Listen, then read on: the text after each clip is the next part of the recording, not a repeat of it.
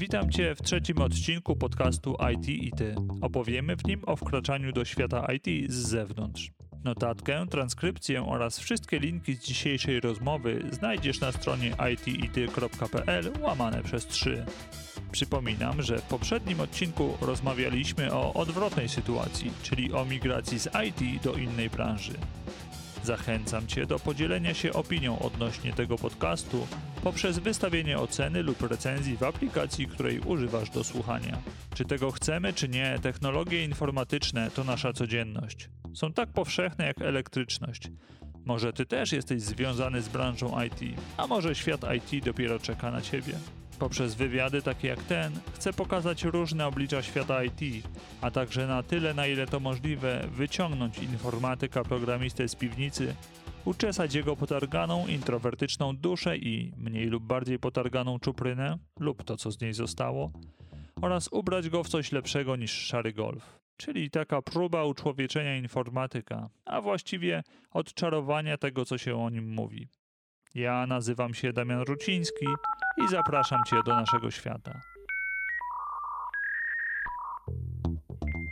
O swoim wejściu do świata Information Technology, o tym, czy decydując się na taki krok trzeba umieć programować, a także jakie kompetencje przydają się przy wkraczaniu do tego oceanu możliwości, jakim jest świat IT, Rozmawiam dziś z Łukaszem Kopcem, ekspertem z zakresu obsługi klienta, który w 2016 roku znalazł się wśród 25 najbardziej wpływowych osób w branży Customer Care w Polsce, a obecnie CEO firmy, w której hasła takie jak NLU czy NLP to chleb powszedni. Prywatnie szczęśliwy mąż i ojciec dwójki dzieci, pasjonat strzelectwa i przetwórstwa domowego rodem z Podlasia. Cześć Łukasz. Cześć Damianie. Kiedy zaczęła się Twoja przygoda z komputerami? Moja przygoda z komputerami zaczęła się w podstawówce, od kiedy wzdychałem do Amigi 500, która była dla mnie e, w tamtych czasach nieosiągalna. A pierwszy komputer, e, którego stałem się szczęśliwym posiadaczem, to był, to był PC. E, IBM klasy AT, który złożyłem sobie sam dzięki koledze, który wtedy zajmował się taką popłatną profesją i prowadził sklep komputerowy, w ramach którego składał takie zestawy. Do dziś mi to e, gdzieś tam czasami zostało i lubię sobie czasami coś samemu złożyć. Mhm. Czyli e, te, te komputery to nie jest tak, że nie były obecne w Twoim życiu, tylko zawsze gdzieś tam się przewijały, tak? To była jakaś taka. Były, tak, ale to, było, to, to były bardzo amatorskie działania, może rozpoczęły rozpalały moją wyobraźnię, ale nie miały dużego znaczenia dla, dla mojej ścieżki mhm. zawodowej. Powiedz mi w takim układzie, o, jeśli mówimy o tej ścieżce zawodowej, to czym się zajmowałeś, zanim e, wybrałeś ten świat IT jako miejsce, gdzie się będziesz dalej rozwijał zawodowo? Zaczynałem w zupełnie innej branży. Przez wiele lat, prawie dekadę byłem specjalistą w branży bankowej. Pracowałem w takim dużym korpo bankowym. Dokładnie to był bank handlowy, w którym zaczynałem, który został kupiony przez duży amerykański bank City i specjalizowałem się w, w ramach pracy, którą tam wykonywałem, w takich procesach związanych z obsługą klienta, sprzedażem, sprzedażą. Dziś to mo moglibyśmy sobie to nazwać takimi modnymi angielskimi określeniami jak customer service, customer experience, ale tak naprawdę na początku zanim zostałem specjalistą, to była zwykła praca na słuchawkach w contact center, takim znienawidzonym przez bardzo wiele osób. No tak, contact center czy call center ma taką złą opinię i faktycznie to może powodować e, już dreszcz u samych, e, u osób, które słyszą to słowo na, na, na początek. Tak. Tak, ale jednocześnie tamto miejsce było taką kuźnią kadr, bo wtedy w Polsce tworzyły się zręby takiej nowoczesnej bankowości i e, City był dawcą wielu standardów, e, które jeszcze nie były wtedy obecne w Polsce. E, przez to też my, ludzie, którzy tam pracowaliśmy, zostawaliśmy wysokiej klasy specjalistami bardzo pożądanymi na rynku pracy, co też potem gdzieś tam w późniejszym czasie, o czym pewnie będziemy rozmawiali, sprawiło, że znalazłem się w miejscu, w którym jestem teraz. Powiedz mi, mm, co było powodem zmiany branży? Czy to tak kiełkowało w tobie powoli, czy to, to, to, taka była decyzja, że IT jest teraz na topie, więc y, tak, idę tą ścieżką? Wiesz co, chyba niestety e, przypadek po prostu e, najzwyczajniej w świecie. W pewnym momencie po tej ponad prawie dekadzie pracy w bankach no miałem taką pozycję, że mogłem niemalże wybierać, e, gdzie będę chciał pracować. City to duże korpo, więc mogłem na przykład, nie wiem, gdybym chciał, to były bardzo modne kierunki wśród moich znajomych, pracować w Luksemburgu, Londynie, Dublinie albo nawet Singapurze. A ostatecznie wyszło tak, że poszedłem za głosem serca i postanowiłem wrócić do swoich rodzinnych Kielc. E, I to był taki pierwszy krok na etapie, e, na etapie transformacji, gdzie cały czas w sektorze bankowym, ale zacząłem pracować e, tutaj lokalnie, bo wcześniej pracowałem w Warszawie. Okazało się po jakimś tam czasie, że jednak praca w oddziale dużego korpo, a praca w branżu to jest jednak zupełnie coś innego. I Trochę przypadkiem e, tymi moimi umiejętnościami zainteresowała się jedna z lokalnych firm programistycznych, e, małych jak na korpo standardy, bo zatrudniali około 100 osób, ta spółka ona produkowała systemy dla właśnie klientów, dla których ja również pracowałem, między innymi właśnie systemy contact center, o których zmiankowaliśmy. No i szukali takich bardziej miękkich, nie tylko programistycznych kompetencji, osób, które takie kompetencje mają do pracy i po jakimś tam czasie wspólnych rozmów zdecydowaliśmy, że może warto podjąć taką współpracę i to był ten taki bardzo dla mnie wrażliwy moment, kiedy przeszedłem z jednej branży do drugiej. Idea fix była w miarę prosta, zamiast żyć w banku, żyć z banków. Mhm, jasne. Natomiast e, jeśli chodzi o to tą twoją ścieżkę, mówisz, że to ewoluowało tak powoli, e, w zasadzie. Nie było to jakieś nagłe przejście z jednej branży w drugą, a czy na początku tej swojej ścieżki kariery, gdzie, gdzie ta powiedzmy miłość do komputerów zakorzeniona była, ale, ale bardziej jako ten, ten biorca niż, e, niż osoba, która działa w tym sektorze, to czy myślałeś o tym, że gdzieś w przyszłości jednak e, w tym, w do tego świata IT wkroczysz i, i że to, to będzie to, czym się będziesz zajmował? Niestety, muszę cię rozczarować i słuchaczy, to było wszystko dziełem przypadku. Po prostu. Ja czułem się dobrze w, w tej branży, w której byłem wtedy, aczkolwiek no nie wiem jak mogę to dobrze zdefiniować. Czasami pojawiają się pewnego rodzaju okazje, które E, nam gdzieś wiatr przywiewa i ja po prostu postanowiłem z takiej okazji skorzystać i uważam, że to była jedna z lepszych decyzji w moim życiu. Mm-hmm. No tak, e, to już z moim pierwszym gościem, jak rozmawiałem, to też mówił, że to wypatrywanie okazji i korzystanie z tych okazji jest kluczowe w podejmowaniu, no, w determinowaniu tego, co chcemy robić. I jeżeli skorzystamy z tej okazji, to na pewno, na pewno przynosi to profity i na pewno nie należy no, też e, pozwolić uciec z tej okazji. To jest też takie chyba kluczowe, żeby, żeby jej nie przeoczyć. Cieszę się, że, że tobie się to udało, że jej nie przeoczyłeś i jesteś szczęśliwy z tego, co teraz robisz. Natomiast e, a propos tego, co teraz robisz, to Powiedz nam, czym się teraz zajmujesz, bo tak, wspomniałeś, że pracowałeś w sektorze bankowym, później wspomagałeś firmę merytorycznie e, zajmującą się e, call center i to było to takie miękkie wejście do, do świata IT. Natomiast ta działka, ta branża, którą się teraz zajmujesz, no to już jest takie stricte IT, tak mi się e, wydaje, tak to jest w, w moim pojmowaniu. Więc proszę cię, opowiedz nam, czym ty się teraz zajmujesz? Już mówię. Wiesz co, może warto też nadać taki troszeczkę szerszy kontekst, dlatego że ja nie, nie uważam się cały czas za takiego typowego IT guy, e, dlatego że ja cały czas jestem w pewnego rodzaju kontekście, który ten kontekst nadała mi właśnie ta moja pierwsza praca, czyli ta branża, które, z której wyszedłem i na tym tak naprawdę zbudowałem całą swoją strategię dalszego rozwoju, bo ja nigdy nie będę inżynierem, nie będę programistą, nie mam niestety bardzo żałuję do tego kompetencji, ale tak naprawdę to, od czego wyszedłem, to to, że e, znałem procesy u klientów, u których działali dostawcy, e, którzy dostarczali im pewnego rodzaju oprogramowania albo pisali dedykowane. I to story, e, ono cały czas, ja jestem cały czas gdzieś w tym kontekście. Ja tak jak się zaczynało w tym, na tym pierwszym etapie, kiedy e, przeszedłem z branży do branży, potem były jeszcze, była jeszcze inna spółka, dla której pracowałem jako dostawca. No i też po takim okresie, powiedzmy, prawie dekady, znowu nadszedł taki moment, kiedy coś się w moim życiu zmieniło. E, I też postanowiłem wykorzystać ten moment, e, bo to była pewnego rodzaju okazja, która nadeszła gdzieś tam nabrzmiewało. I zostałem współzałożycielem własnej spółki informatycznej. Specjalizujemy się w takim bardzo modnym teraz obszarze, który również jest buzzwordem sztucznej inteligencji, a konkretnie zajmujemy się rozumieniem i procesowaniem języka naturalnego, czyli e, z angielska to jest Natural Language Understanding i Natural Language Processing, czyli jakbym miał użyć najprostszej definicji tego, czym się zajmujemy, to pomagamy tłumaczyć język naturalny, pisany lub mówiony przez człowieka, na język e, zrozumiały przez maszynę.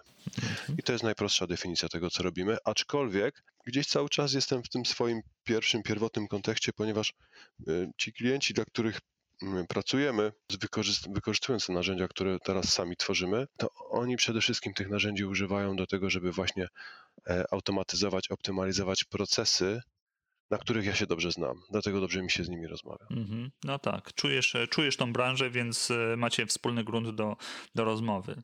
Mhm. Jeśli chodzi o, o NLP, czyli to, to jest no, przetwarzanie informacji sensu stricto. To dla mnie idealnie wpasowuje się właśnie w definicję IT, które no, na tym żyje, że, że bazuje na, na informacjach, na ich przechowywaniu, na ich przetwarzaniu. Jak, jak ty to czujesz? Jak, jak ty widzisz e, definicję IT? Czy, czy to jest właśnie to, czy może dla ciebie IT to jest e, jakaś inna definicja?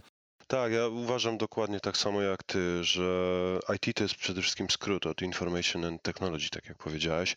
I to jest dokładnie to, czym my się zajmujemy. To jest sól naszej działalności. Gdybyśmy mm, cofnęli się trochę w czasie, niedalekim czasie, do, do czasu, kiedy powstawały pierwszej klasy narzędzia, którymi ja się teraz zajmuję, właśnie klasy NLU i NLP, to e, pierwszymi twórcami tego typu narzędzi to były wielkie spółki programistyczne, giganci, tacy jak Google, Amazon, Facebook. I oni zaczęli rozwijać te narzędzia właśnie po to, żeby wydobywać informacje z danych, które my im powierzamy, po to, żeby mm, czerpać z nich dodatkową korzyść. I to jest tak naprawdę właśnie sól tej e, definicji i my też tym się zajmujemy. Dajemy często swoim wiedzom nie tylko możliwość automatyzowania pewnych rzeczy, ale przede wszystkim wydobywania wiedzy z danych, które gromadzą. I tak, to jest bardzo dobre porównanie. Tak, to mhm. jest dokładnie to, o co chodzi w IT. No, myślę, że ten, ten temat e, NLP to jest szeroki temat na osobną rozmowę. Kiedyś się chyba umówimy, jeszcze sobie o tym porozmawiamy, e, bo, bo widzę, że, że jesteś też osobą, która z, z bardzo wielką przyjemnością może o tym opowiadać godzinami. Także okej. Okay. Mogę.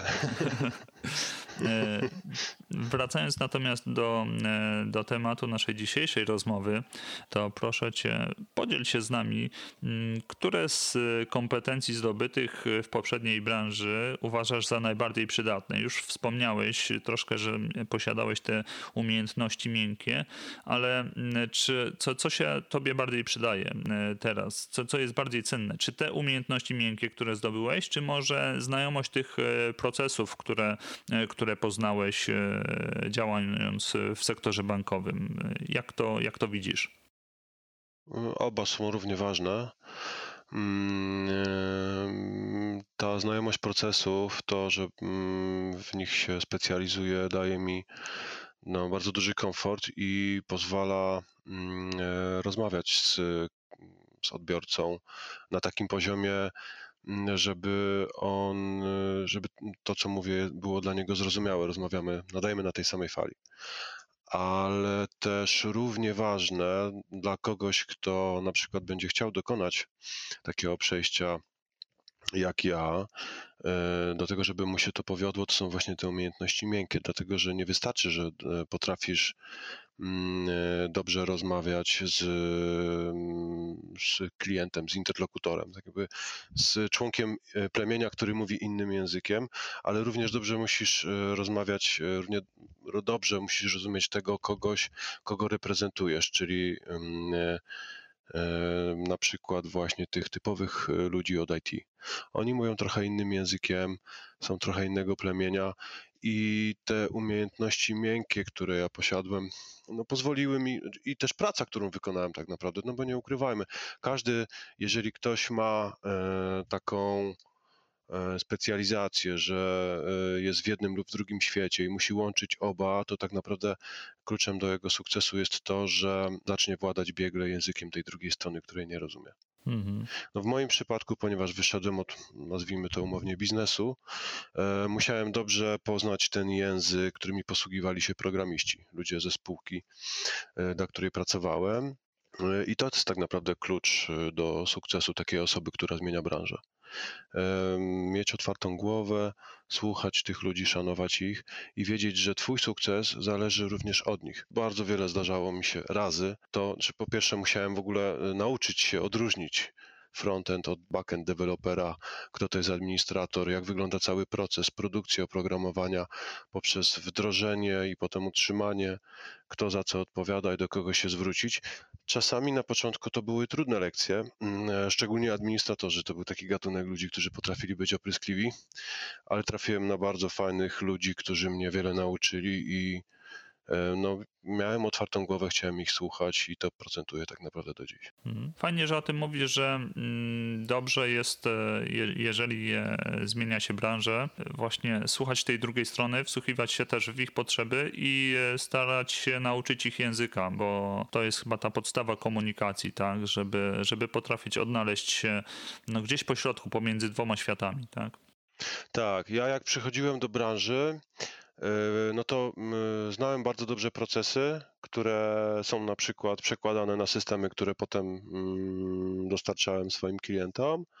E, byłem takim super userem tego typu systemów, bo ich dużo używałem. Wiedziałem, jak one powinny działać. To też miało pewnego rodzaju walor e, dla mojego pierwszego pracodawcy z branży IT, bo mogłem pomóc mu na przykład rozwijać ten produkt pod kątem tego, e, czego oczekują klienci końcowi ale miałem żadne pojęcie na temat tego, jak się takie oprogramowanie tworzy, jak wygląda ten proces wytwórczy, dlaczego tak, a nie inaczej, jak może wyglądać architektura takiego systemu. A to były systemy takie całkiem rozbudowane, dlatego że to były systemy czasu rzeczywistego, które obsługiwały e, wiele interakcji na raz, musiały to były systemy wysokiej dostępności dla dużych klientów, którzy nie mogli sobie pozwolić na to, że ten system przestaje działać, bo wtedy tak naprawdę nie mogą świadczyć usług dla swoich klientów. Więc to mm, były Jasne. takie rzeczy, które wiązały się z dużym wyzwaniem i ukształtowały mnie do dziś, tak jakby mnie i moją postawę w tym świecie IT. A z tego, co, e, co wspomniałeś, e, to od początku branże, w których pracowałeś, mocno czerpały z, z, właśnie ze wspomożenia ze strony działu IT, ze strony w ogóle e, urządzeń e, informatycznych, komputerowych. E, czy Twoim zdaniem mm, prowadzenie biznesu w sensie biznes może się odbywać bez wspomagania narzędzi właśnie informatycznych? Jak, jak to widzisz? Na pewno może, ale mm, to IT mm, daje tą przewagę, y, jeżeli chodzi o wzrost efektywności i konkurencyjności w każdej z branż. IT y, mnie fascynuje, dlatego że ono przenika każdą z branż. Y, pełni, co do zasady, to raczej nie występuje samodzielnie. Pewnie są jakieś wyjątki, które moglibyśmy znaleźć, ale generalnie pełni, pełni rolę służebną dla e, wszystkich innych dziedzin naszego życia i branż, które nas obsługują. Ale ta służebna rola ma bardzo duże znaczenie i tak naprawdę chyba dziś nie wyobrażamy sobie świata bez e, na przykład powszechnego dostępu do internetu, a jeszcze 20 lat temu to wcale nie było takie oczywiste. I fascynuje mnie ta branża dlatego, że ja jako dziecko e, zaczytywałem się historiami o ludziach, przesuwających granice w ramach Nowego Świata na Dzikim Zachodzie. E, I gdybym miał wskazać jeden taki obszar e, tego naszego współczesnego świata, który odpowiada e, tamtym czasom, to tak naprawdę ten świat IT jest pełen takich ludzi, którzy posuwają ten świat naprzód, prze, prze, przepychają tą nową granicę, ustanawiają ją coraz dalej i dalej. Oni tak naprawdę świadczą, stanowią o tym postępie e, współczesnego świata i to bardzo działa na moją wyobraźnię. Bardzo mi się to podoba. Widzę też takie porównanie do średniowiecznych budowniczych katedr, którzy żyli w czasach, kiedy też tak naprawdę sami decydowali o postępie. Nie było wtedy na uniwersytetach katedr, które mogłyby ich nauczyć budownictwa i architektury. I często widzę, że jest podobnie w świecie IT. E, świat nauki czasami nie nadąża za zdobyczami e, technologicznymi i e, ludzie, którzy popychają ten świat do przodu właśnie poprzez to, że rozwijają pewne technologie, też działają w takiej izolacji samodzielnie, może z wykorzystaniem kolegi murarza, który ma podobne kompetencje i który wspiera go swoją wiedzą merytoryczną, którą zdobył w trakcie realizacji jakichś projektów. Mm, dlatego też e, mam olbrzymi szacunek dla, mm, e, dla ludzi, którzy pracują w tej branży i którzy bardzo często właśnie mm, pracują w ten sposób, czyli często pracują samodzielnie. Niewiele osób jest ich w stanie wesprzeć, e, odkrywają nowe rzeczy. Wiadomo, że jest dużo też takiej pracy, która polega na takiej typowej klepaninie, gdzie e, liczy się to, żeby e, w jakimś kolejnym sprincie napisać jakąś funkcjonalność, oddać pracę i o niej zapomnieć, ale ta najbardziej ciekawa praca właśnie polega na tym, na odkrywaniu pewnych nowych rzeczy, budowaniu nowych rozwiązań, które jeszcze e, chwilę temu były niedostępne. I mhm. to jest największy walor i urok tej pracy. Zgadza się. Tutaj trudno się nie zgodzić, że każdy, wydaje mi się, informatyk, programista, dalej idąc, to jest jakaś osoba, która, no, która jednak coś tworzy. Może to nie jest do końca artysta, ale no, myślę, że u większości gdzieś tam jakiś procent e, bycia właśnie takim artystą Czasem jest to przewaga rzemieślnika niż artysty, ale no, jakiś pierwiastek e, tego typu musi być. Tak samo zgadzam się z tym, że dynamika w, e, właśnie w sektorze IT no, jest ogromna. To, to naprawdę ciężko e, przewidzieć, co będzie trendem za na przykład 5 lat. Dokładnie. I jakie, jakie, nowe, jakie nowe możliwości pojawią się przed nami. Dokładnie tak. Ja też to obserwuję w swojej pracy. E, gdzie mm, e, mówię tutaj konkretnie właśnie o NLP, e, gdzie dużą część mojej energii, jeżeli chodzi o pracę, którą wykonuję, to poświęcam na taką ewangelizację klientów, czyli pierwszą wartością, jaką im dostarczam, to jest wiedza bo oni bardzo często szukają tej wiedzy. Ona nie jest tak wcale łatwo dostępna na rynku, czasami jest zasłonięta różnego rodzaju treściami, które zaburzają ten obraz i nie do końca mm, niosą ten walor taki merytoryczny. I jest część już y, klientów tych takich największych y, korporacji w Polsce, która ma takie silne poczucie, że coś potrzebują zmienić, ale jeszcze nie do końca wiedzą co. A ponieważ ten świat tak się dynamicznie rozwija, to czasami potrzebują też kogoś, kto im trochę rozjaśni ten obraz, poukłada te klocki, które mają gdzieś rozsypane i jest w stanie im wytłumaczyć tak naprawdę na czym to polega, jaka jest różnica, dlaczego tak, a nie inaczej i co e, finalnie pozwoli im to osiągnąć na samym końcu, kiedy zaczną tego używać. Mhm. Proszę cię, podziel się z nami, jakich e, narzędzi informatycznych czy programów e, używasz na co dzień? Czy, czy jakich narzędzi używacie w firmie do, do tego, żeby ta firma mogła ja jestem, ja jestem, ja jestem przede wszystkim zaawansowanym userem pakietu MS Office i to w 90% e, przypadków mojej pracy w zupełności mi wystarcza. Jeżeli pytasz mnie o stack technologiczny, jakiego, jaki mamy obecnie w spółce, no to nie jestem najlepszą osobą do tego, żeby o tym rozmawiać, ale no, biorąc pod uwagę tą dziedzinę, którą się zajmujemy, to myślę, że programisty nie zdziwi fakt, że przede wszystkim piszemy w Pythonie. Mhm. E, Używamy wielu technologii w zależności od tego, e, co chcemy osiągnąć. E, czyli to są też różne języki e, programowania, przede wszystkim Python. Nie wiem, używamy sieci TensorFlow od Google, nierelacyjnych baz danych, takich jak na przykład MongoDB. Wiem, że też używamy rzeczy od mm, Apache, takich jak Hadoop lub Spark, ale to też tak naprawdę to jest taka moja refleksja.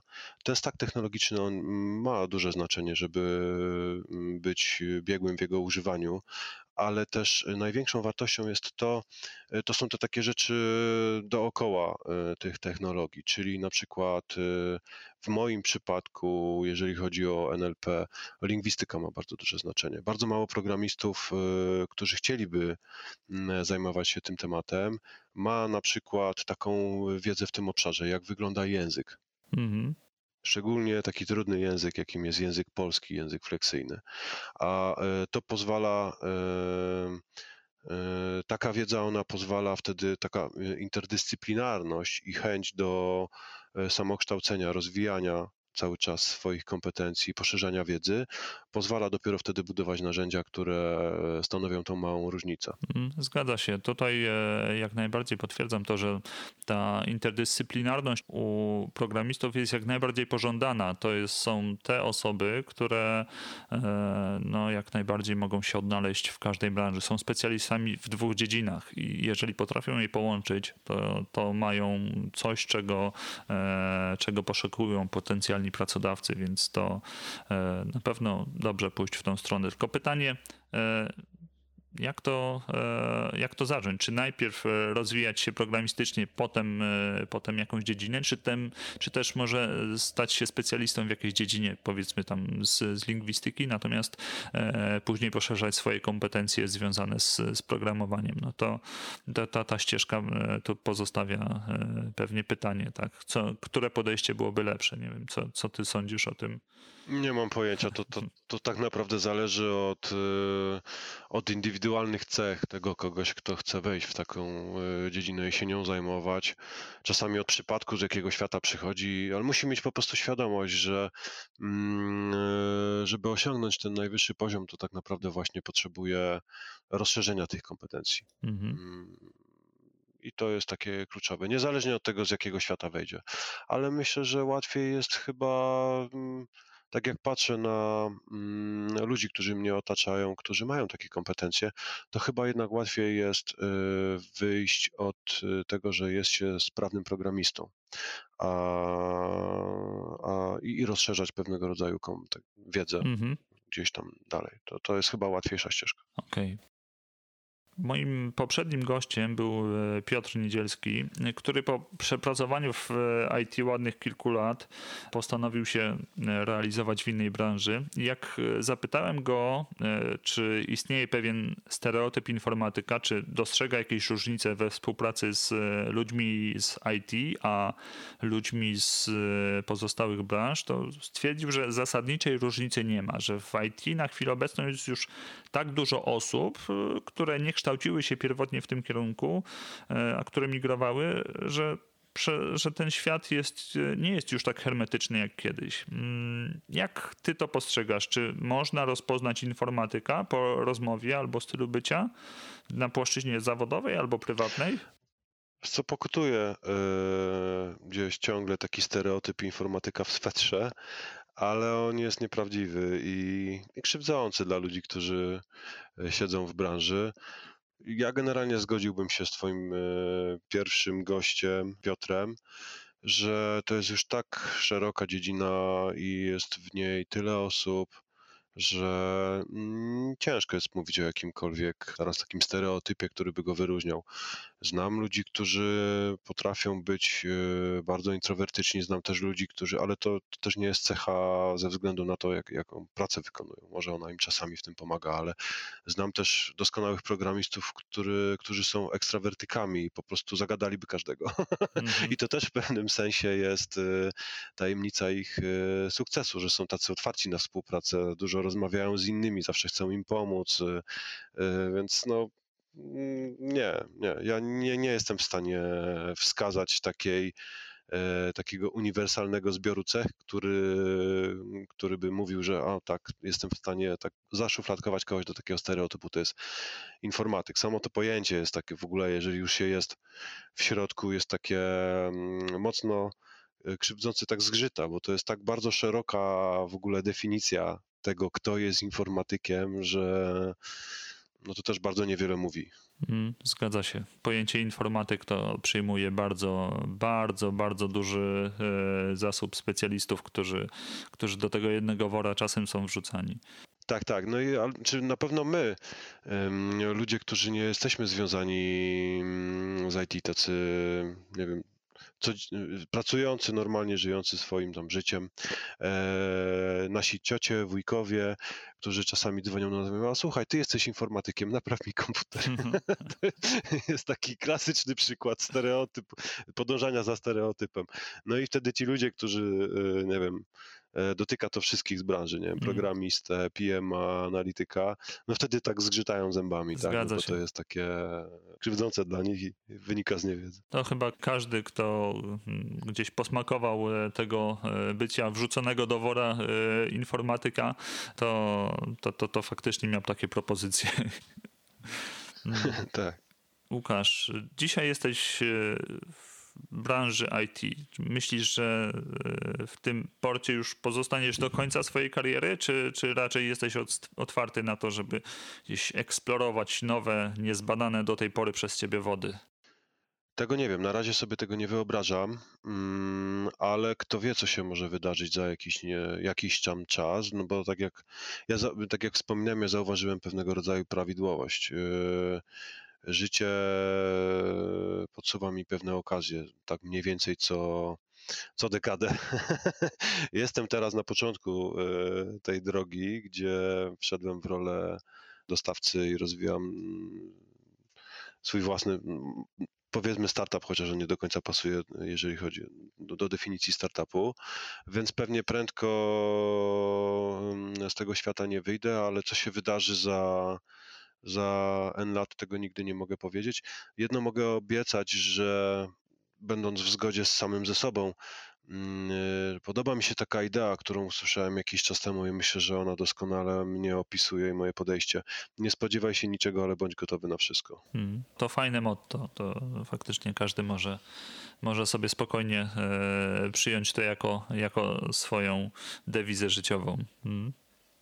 Na koniec proszę cię powiedz mi, gdzie cię można znaleźć tak samo w sieci, jak i e, fizycznie gdzieś w jakimś biurze?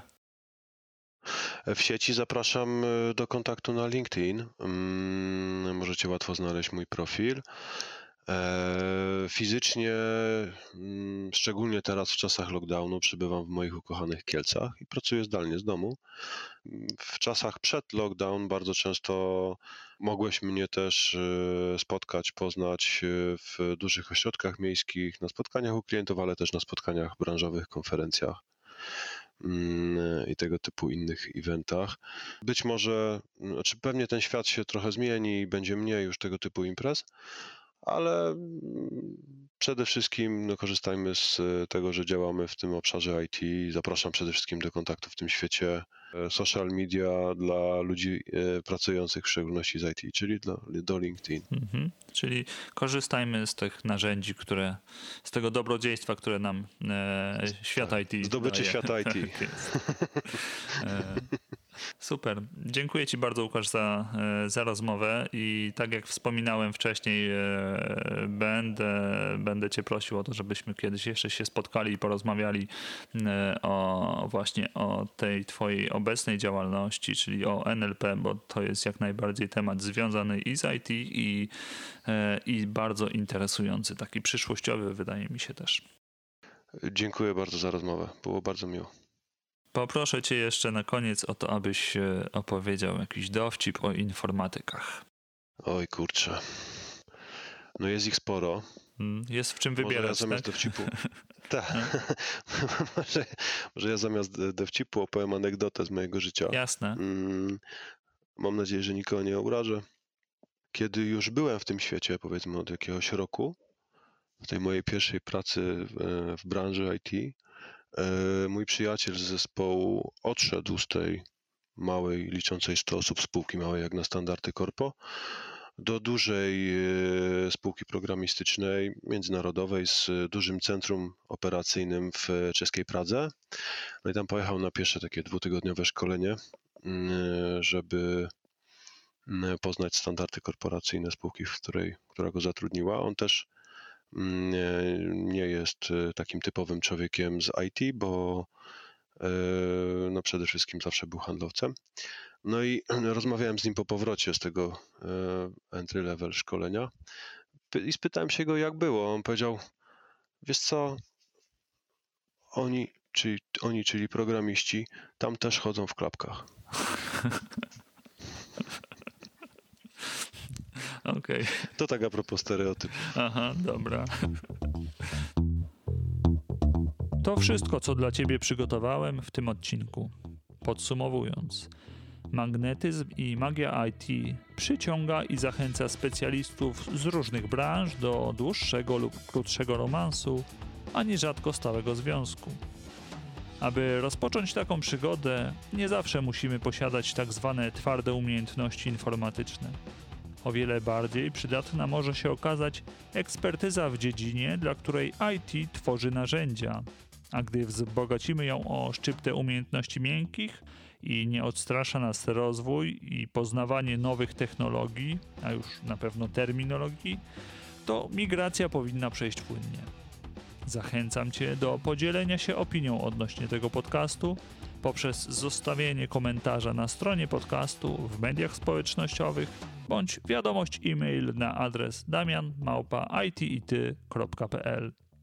Już teraz zapraszam Cię do wysłuchania kolejnego odcinka, który, jeśli wszystko dobrze się ułoży, ukaże się za dwa tygodnie. Aby mieć pewność, że go nie przeoczysz, subskrybuj podcast IT Ty już dziś. Jeśli nie wiesz, jak to zrobić, zapraszam na stronę itity.pl łamane przez subskrybuj. Ja nazywam się Damian Ruciński i mówię Ci do usłyszenia. Pa, pa!